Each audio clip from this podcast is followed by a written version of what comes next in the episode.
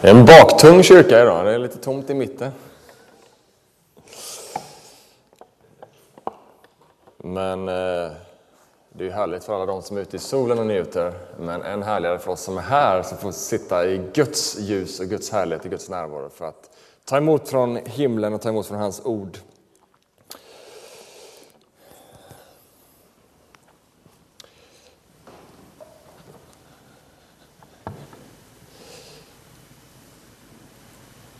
Man kan tänka om sig själv att jag är nog ett hopplöst fall. Jag har gjort så mycket dåligt i mitt liv så i hela världen skulle Gud kunna använda mig. Ja, han kanske på något sätt släpper in mig i himlen, men, men mycket mer än så blir det inte. För att så som jag är, nej. Sebadeus och gjorde i ordning sina nät. Han kallade på dem och genast lämnade. Jag är nog ett hopplöst fall. Den personen kan jag förstå att, att den personen blir en kristen, det är inget konstigt, det är väl ganska logiskt, har alltid varit lite snäll och liksom intresserad av, av goda saker. Men han och henne, de kommer aldrig att bry sig om Gud eller Jesus eller kyrkan. De kommer aldrig bli troende, det är liksom ingen idé ens att jag tänker tanken eller pratar med dem om Gud eller vittnar för dem, därför att nej, det är nog ändå ingen mening. Titeln på dagens predikan är Hopplösa fall. Kanske har du tänkt något liknande dessa tankar som jag börjar min predikan med idag. Kanske du någon gång har tänkt så om dig själv eller om andra. Men vet du vad? Dagens text som vi precis har hört ifrån Apostlagärningarna kapitel 9 är bärare av goda nyheter till dig som någon gång har ställt dig liknande frågor, de som jag precis har ställt här i början av gudstjänsten.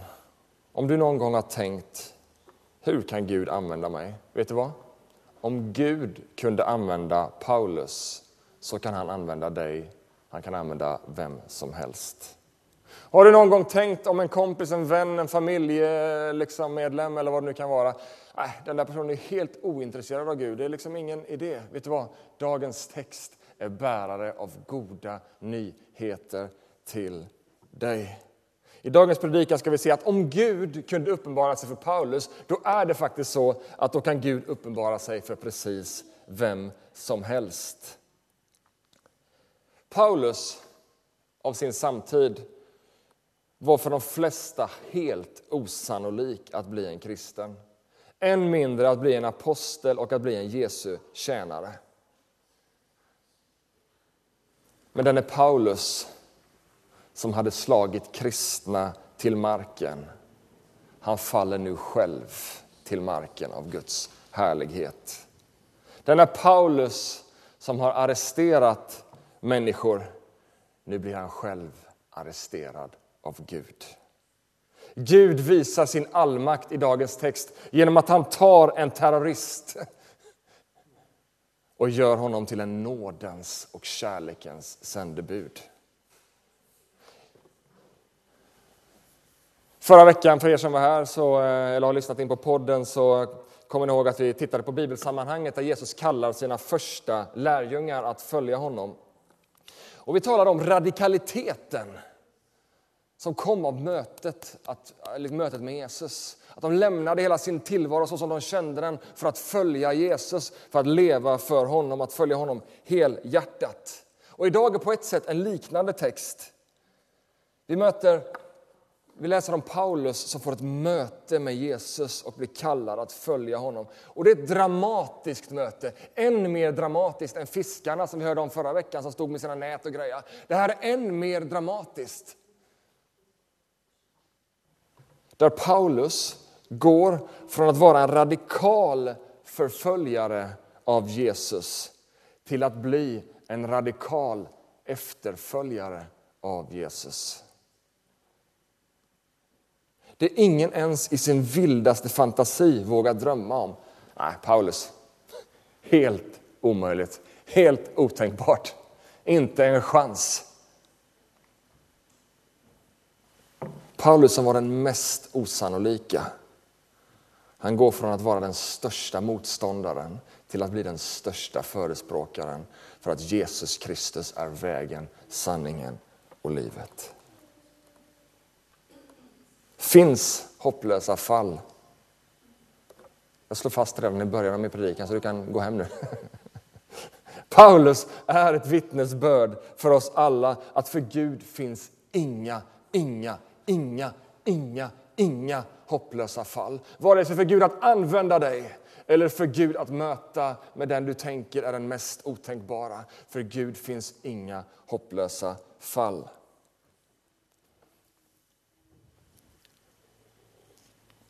Paulus.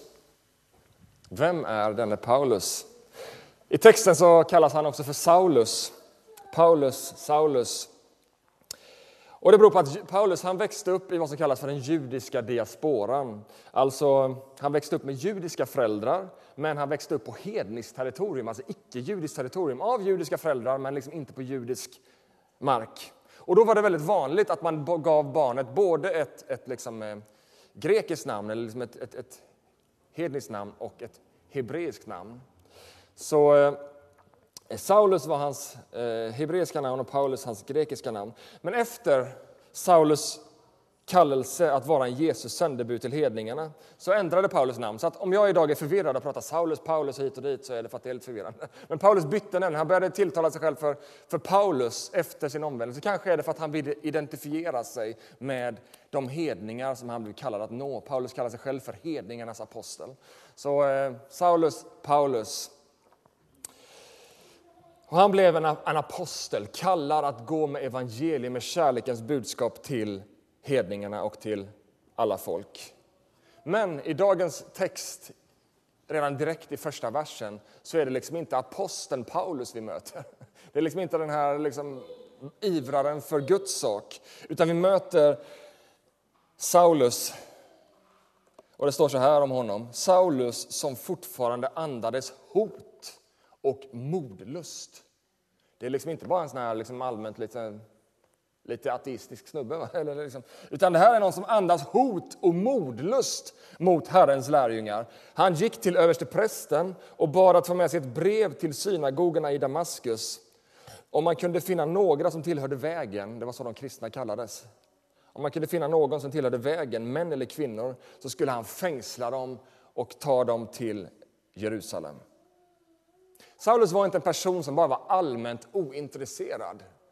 Vi kan tycka om många människor, men de är bara inte intresserade. Det är inte så många som har så jättestarka åsikter kanske om, om, om, om liksom Gud. Sådär, utan det är liksom bara... Saulus, han var liksom inte bara allmänt ointresserad. Han var hatisk mot allt som hade med Gud, eller inte med Gud, inte med allt som hade med Jesus och den kristna kyrkan att göra. Han andades hot och modlust mot Herrens lärjungar. Det står i Apostlagärningarna 22 4, där säger han som om sig själv. Ja, tidigare så förföljde jag och ville döda alla.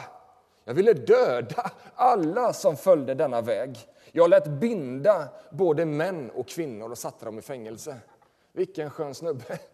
Faktum är att Saulus var ansvarig för att hela den kristna kyrkan i Jerusalem de blev så förföljda så de fick fly ut på landsbygden. Vi kan läsa om det i Apostlagärningarna 8. De kunde inte vara kvar, de var så förföljda. Och Paulus ledde hela det här upproret mot den kristna kyrkan. Vi kan också läsa att Saulus var ansvarig troligtvis för Stefanos, en av kyrkans tidiga missionärer. Stefanos var en av de tidiga kyrkans missionärer. Saulus var ansvarig för att han blev stenad till döds. Apostlagärningarna 8.3 läser vi att Saulus var mycket grym mot församlingen. Han trängde sig in i hus efter hus och släpade de troende till fängelse. Det var inte bara en allmän liksom, irritation, allmän ilska.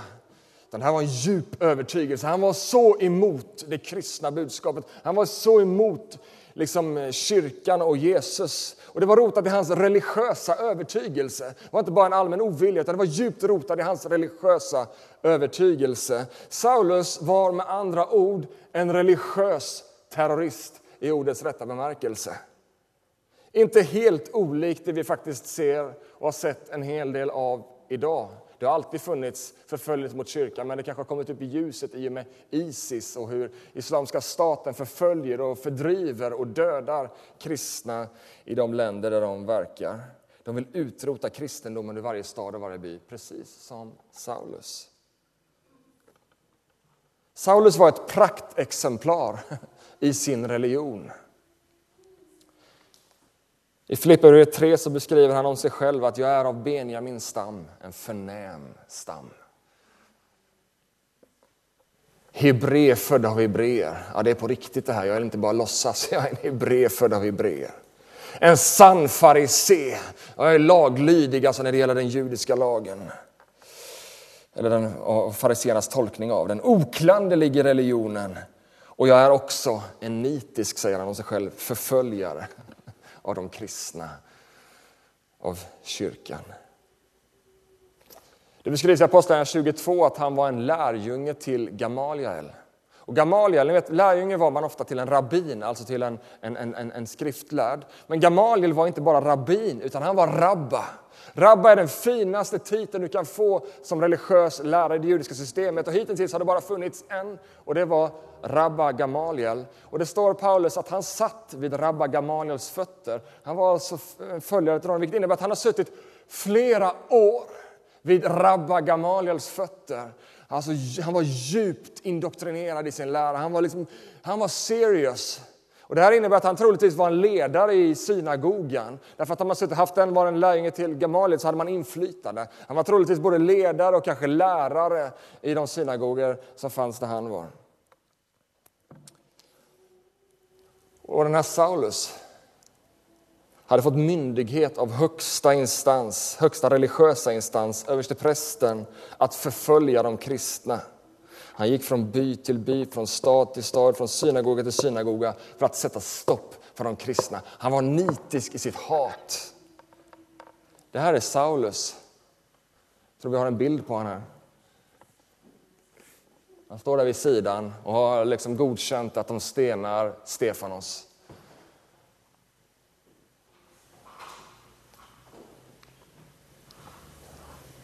Och det här hatet mot Stefanos tror jag var rotat också i att Stefanos han var en missionär, en evangelist från ett utsänd av den tidiga kyrkan att predika evangelium. Vart då någonstans? Jo, i den judiska diasporan, alltså de områdena som Paulus, Saulus själv kommer ifrån. Han hatar honom.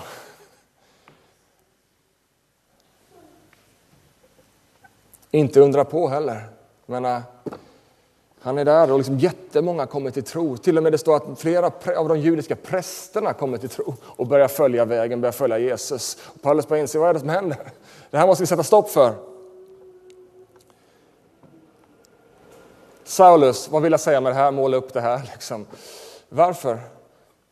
Jo, därför att Saulus är kanske en av Bibelns mest osannolika exempel på någon att bli en kristen, att följa Jesus. Det var inte en allmänt bara liksom, äh, skit i det där. Han bara hatade allt som hade med Jesus att göra. Han var så långt bort man kan tänka. Kyrkan, liksom, nej, han kan vi liksom inte, hur ska vi, han går inte att nå.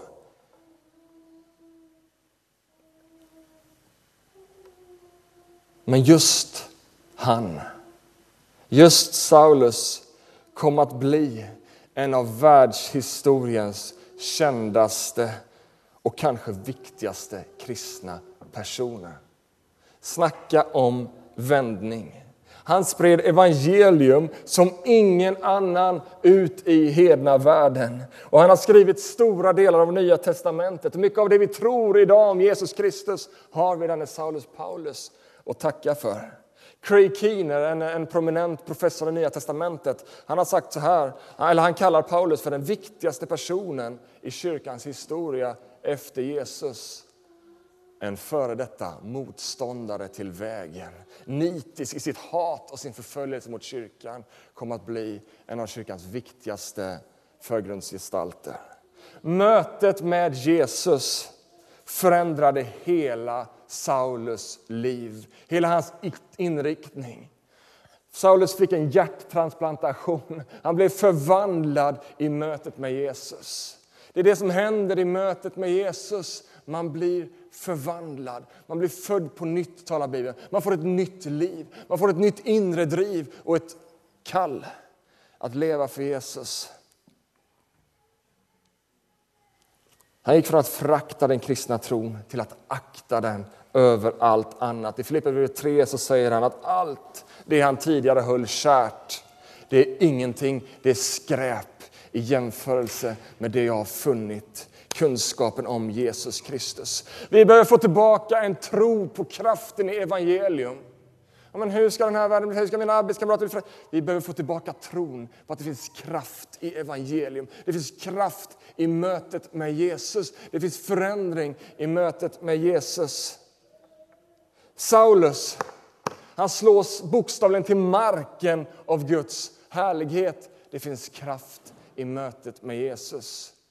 Kapitel 9, vers 3. Men när Saulus på sin resa närmade sig Damaskus han var på väg till Damaskus för att göra vad då? För att fängsla de kristna. Då strålade plötsligt ett ljus från himlen omkring honom.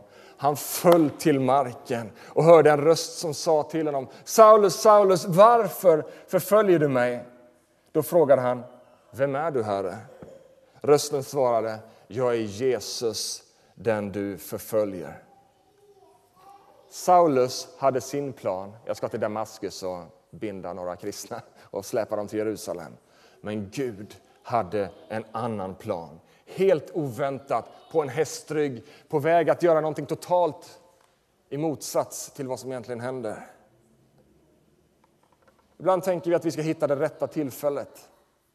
Jag har väntat på det rätta tillfället i 22 år nu, men det har inte kommit att vittna för min mamma. Eller min pappa. Ja, men liksom, vi har så mycket, liksom, hitta det rätta tillfället. Absolut, visst finns det olika tillfällen. Men någonstans det här kan väl inte klassificeras som det rätta tillfället kan man tycka. Men just där, helt oväntat, så kommer Guds härlighet och möter med Saulus. Gud kan använda precis vilken situation som helst, ibland den mest oväntade. Och Saulus ramlar till market, marken och ljuset är så kraftigt så han blir blind. Han blir blind av den här ljusstrålglansen. Och så hör han rösten, Saulus, varför förföljer du mig? Vem är du? Jag är Jesus, den du förföljer. Saulus han kunde Gamla testamentets skrifter. Självklart förstod han det finns ingen annan som kan skapa ett sånt här härlighetsljus som Gud själv. Men ändå ställer han frågan, vem är du? Jag är Jesus, den du förföljer. Och grundspråket, shekinja, är ett ord som på något sätt betyder ett härlighetsljus. Och det är samma liksom ord som används om när Gud uppenbaras i den brinnande busken, eller när Jesaja får möta Guds härlighet, eller när budorden ges vid Sinai. Det är liksom ett ord. Paulus visste att det finns ett härlighetsljus och han mötte det där. Men någonstans ändå, vem är du? Jag är Jesus, den du förföljer. Saulus trodde han tjänade Gud när han förföljde de kristna. Men det visade sig att genom att förfölja de kristna så förföljde han Gud själv. Och det är ganska intressant det Jesus säger. Vem är du? Jag är Jesus, den du förföljer. Vad står det om Saulus? Det står att han förföljde de kristna, de som följde vägen. Jesus är så identifierad med sin kyrka. Vi kan tycka kyrkan, ja, men jag kan vara kristen på egen hand, jag kan vara lite kristen och liksom gå lite så här hipp som happ. Jesus är så identifierad med sin kyrka så att när någon förföljer kyrkan så brister Jesus ut i det är mig du förföljer, Saulus. Så dyrbar är kyrkan för Jesus. Jesus är huvudet i sin kyrka. Vi kanske också behöver lyfta vår syn på kyrkan.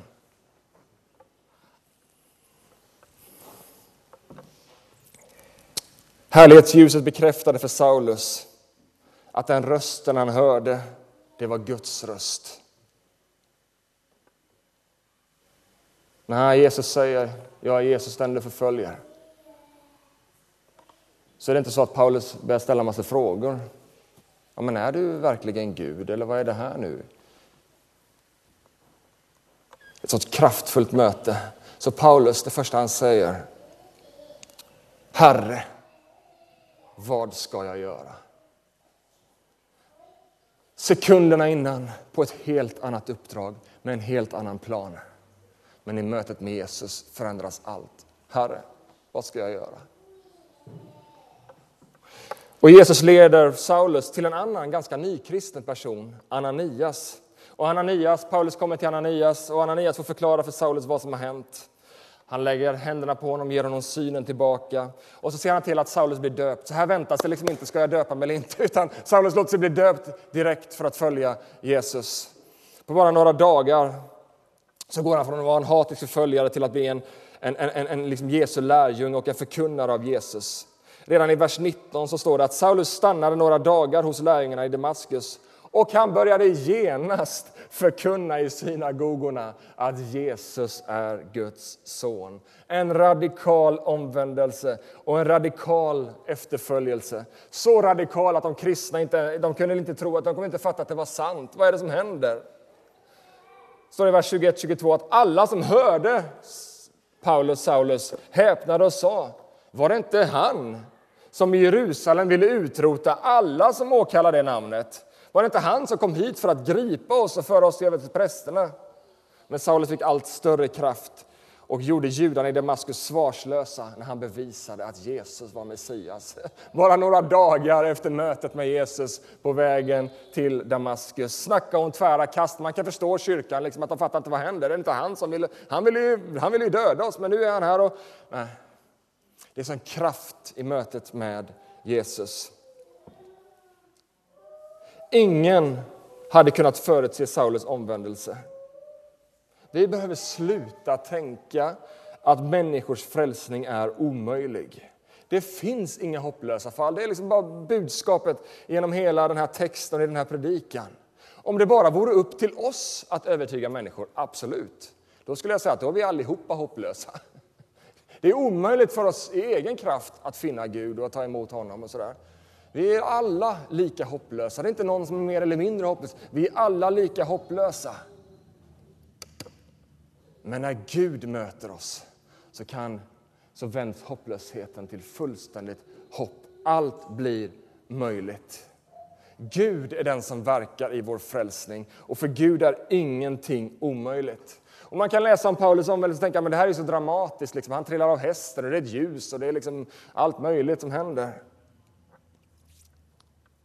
Samma härlighet möter varenda troende, varenda människa som kommer till tro på Jesus. Ibland trillar man av en häst. Ibland kanske man bara trillar av sin egen häst av otro och upptäcker att wow, det är något som har börjat hända på min insida. Jag börjar tro. Vi liksom får öppnade ögon att det här med Jesus är en verklighet. Din och min kallelse är att be och vittna med denna visshet om att det finns inga hopplösa fall. En uppmuntran till dig, ge aldrig upp att be och vittna för människor omkring dig. Aldrig, ge aldrig upp att be för den här staden, för det här landet och för vår värld. Samma Gud som uppenbarade sig för en terrorist på en hästrygg till Damaskus samma Gud uppenbarar sig än idag för människor. Jag vet inte om du har varit här den här sommaren, då vi har haft våra sommar i centrosamlingar. Så har vi fått höra om just detta, hur människor i vår gemenskap har fått möta Jesus idag. Hur Jesus har uppenbarat sig för människor på olika sätt idag. Det sker mitt ibland oss. Det sker i vårt land och utöver världen. Vi kan slänga upp en annan bild. Jag vet inte om du har läst, läste GP förra helgen. Men för mig var det en otroligt trosstärkande artikel i GP. Tänka sig GP, en helt vanlig tidning. Men som hade ett reportage, ett långt reportage ifrån eh, El Salvador och ett gäng där som heter Barrio 18. Barrio 18, jag vet inte vad det heter på El Salvadoriska. Men det är ett av världens farligaste gäng. Och GP berättar om en väckelse som har brutit ut här. Det är alltså ett av de, det är liksom-, liksom inte bara ett, ett gäng, utan ett av världens största gäng och ett av världens mest fruktade gäng. Så brutala så det knappt går att prata om det. Det här liksom dödas barn och kvinnor. Det är liksom så brutalt. Men där har en väckelse brutit ut så att hundratals av dessa gängmedlemmar får möta Jesus och byter vapen mot Bibeln. Helt omöjligt. Hur kan det här ske? För Gud är allting möjligt. Jag kan tänka mig att de flesta har tänkt att det här är hopplöst. I El Salvador så tillhör eh, en halv miljon av invånarna den här typen av kriminella organisationer. Man kan tänka det här är hopplöst. Vet du, för Jesus finns inget som heter hopplöst. För Jesus är allting möjligt. Här bryter han in och förvandlar liv. Så till den milda grad så att deras liv blir totalt förvandlade. Nu kan rivaliserande gäng vara i samma fängelse och de kan be tillsammans. De kan lovsjunga Jesus tillsammans utan att ta livet av varandra. Därför att Jesus förändrar människor. Allting började med några stackars frikyrkliga kristna, inte så synd om dem kanske, men som bara fick en tanke, vi måste göra något åt det här. Låt oss gå till fängelset. Men det kan vi inte göra, det är livsfarligt. Kristi kärlek manar oss, vi måste gå dit. Och en tar emot Jesus, en till, en till och det är igång.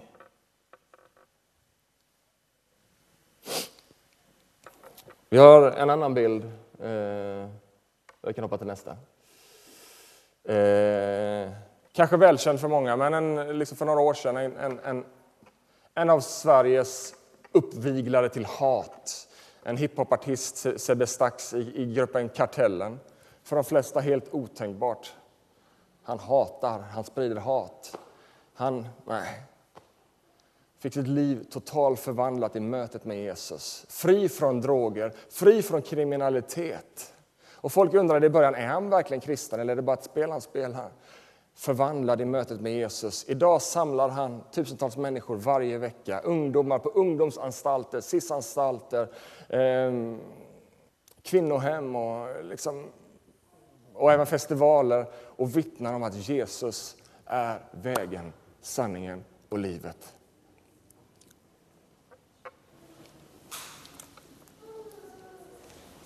Helt osannolika fall kan tyckas. Men nej, för Gud är allting möjligt. Och vad jag vill idag på något med min predikan är att väcka tro i dig. Att ditt vittnesbörd har kraft, är bärare av kraft som kan förvandla människors liv.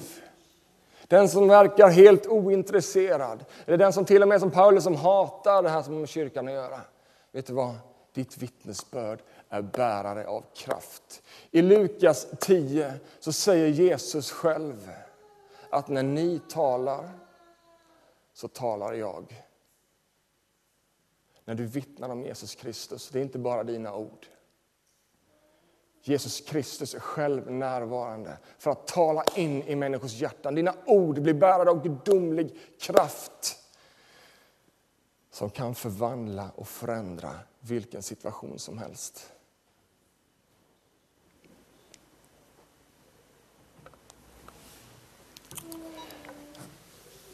Till sist några ord om den här mannen Ananias. Ananias, det var ju han som Paulus, som Saulus, Paulus blev sänd till. Jesus sa gå till Ananias efter att han fått möta Jesus på hästryggen. Och samtidigt som Saulus blir slagen till marken av Guds härlighet på vägen till Damaskus så uppenbarar sig Herren för Ananias och talar till Ananias. han säger till Ananias, gå till Raka gatan. Där ska du möta Saulus från Tarsus. Han ber och han har fått ett tilltal att en man som heter Ananias ska komma till honom och ge honom synen tillbaka. Så Gud talar också till Ananias. Gud vill tala till dig. Gud vill använda dig och leda dig till människor som behöver ett möte med Jesus, som just nu kanske undrar, vem är Gud? Var är han? Gud vill sända dig. Och Det här tilltalet som Ananias får, det är ungefär som att Gud hade sagt till dig att gå till Linnégatan, där ska du möta en ISIS-krigare som hatar dig. Lägg händerna på honom och be för dig. Jag kan tänka mig att det liksom var inte så här bara wow, Ananias bara wow, yes vad kul. Jag ska gå och möta Saulus. Jättekul Gud. Något annat som du vill jag ska göra först? Ananias svarar Gud, men Gud, jag vet ju, jag har ju hört om honom, jag vet ju vad han gör mot kristna. Och nu är han här för att arrestera sådana som mig. Vågar jag verkligen? Och Gud talar igen till Ananias. Gå, för denne Saulus är mitt utvalda redskap för att bära fram mitt namn inför hedningar, inför kungar och inför Israels barn. Troligtvis lite, fortfarande lite skraj, men ändå så går Ananias till raka gatan. Jag tror på något sätt är Ananias en utmaning till oss kristna i väst att våga överge vår trygghet och bekvämlighet för att följa Jesus. Därför att det är så att vi kommer inte bara bli sända till de välkammade. Vi kommer inte bara bli sända till de så kallade fina kvarteren. Gud vill sända oss rakt in i verkligheten, precis var som helst, för att vittna om honom och hans härlighet. Gud sände vanliga kristna till fängelset i El Salvador. Bekvämt, troligtvis inte, men de gick på Herrens tilltal. Paulus säger själv längre fram att Kristi kärlek lämnar mig inget val. Om en har dött för alla, då har alla dött. Och har han dött för alla, för att det som lever inte mer ska leva för sin egen skull utan för honom som dog och uppväcktes för dem. Kristi kärlek driver oss och sänder oss. Den här kärleken är både vårt vapen och vår drivkraft. Och denna kärleken verkade i Ananias. Och sen också i Saulus Paulus som blev ett vittne till hedningar, kungar och Israels barn. Ananias är också ett exempel på kristen gemenskap. Det står i texten att han både sträckte sig ut till Paulus. När, när Saulus kommer till honom, vad står det att han gör i texten? Jo, det står att han välkomnar honom och så säger han broder. Broder. Det är kristen gemenskap. Det är hur vi kristna är kallade att vara. Och sen så står det att han introducerar dem till de andra kristna i Damaskus. Ni vet, för Saulus Paulus, det var inte bara liksom att tänka att liksom, men, det här blir inget konstigt, nu ska jag bli kristen här. Nu ska jag följa Jesus. För honom så innebär det att lämna allt det han har trott på. För honom så innebar det att lämna hela det sammanhang han fanns i. Det han har vuxit upp i, det som han har varit aktad och respekterad i. Han var en lärare i lagen, suttit vid Rabba Gamaliels fötter. Folk lyssnade till honom för att han hade liksom en position där. Folk ville hänga med honom för att han var någonting. I den stunden Paulus tackade ja till kallelsen att följa Jesus så var det också en inbjudan till ensamhet. Att lämna kanske vänner och sammanhang som han var en del av. Precis som de människor idag kanske kommer från islam. Säga ja till Jesus är samma sak som att säga hej då till sin familj och sina vänner, sitt sammanhang. Det kan vara andra ideologier som gör att man blir utfryst från det sammanhanget när man väljer att följa Jesus. Man riskerar att bli förkastad, inte bara av vänner utan också av familj. Och det här gäller inte bara liksom människor från islam eller andra ideologier utan det kan gälla vanliga svenssons som blir kristna och familjen tycker du är helt koko och så känner man sig att man passar inte längre in, man blir ensam. Saulus vänskapskrets skulle, inte, vänskapskrets skulle inte längre vilja veta av honom. När vi som kyrka pratar om kristen gemenskap och pratar om gemenskap så kan man ibland tänka, ja, ja, vadå, jag behöver väl ingen gemenskap. Jag har väl, jag har väl vänner. När vi pratar om gemenskap, när Bibeln kallar oss till gemenskap, så är det inte för din och min skull först och främst. Även om jag tror att vi behöver den. Men det är faktiskt först och främst för den här världens skull. Jesus kallar oss till en djup och äkta gemenskap för den här världens skull. Jag tror att vi som kristna allt för länge har bedömt Bibelns budskap och det som predikas i kyrkan utifrån våra behov, vad jag behöver. Men vet du vad?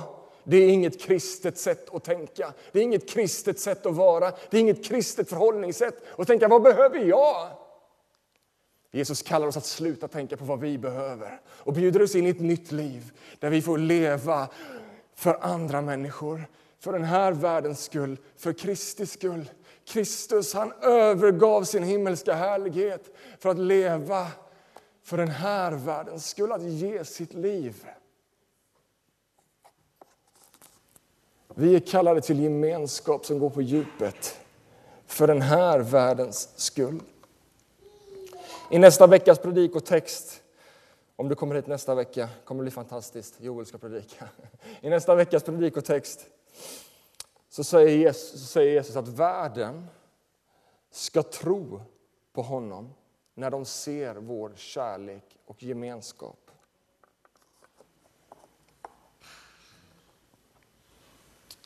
För många, långt många fler än vi tror, att välja Jesus och det livet han kallar människor till, så innebär det också en risk att gå in i ett liv av ensamhet och utanförskap.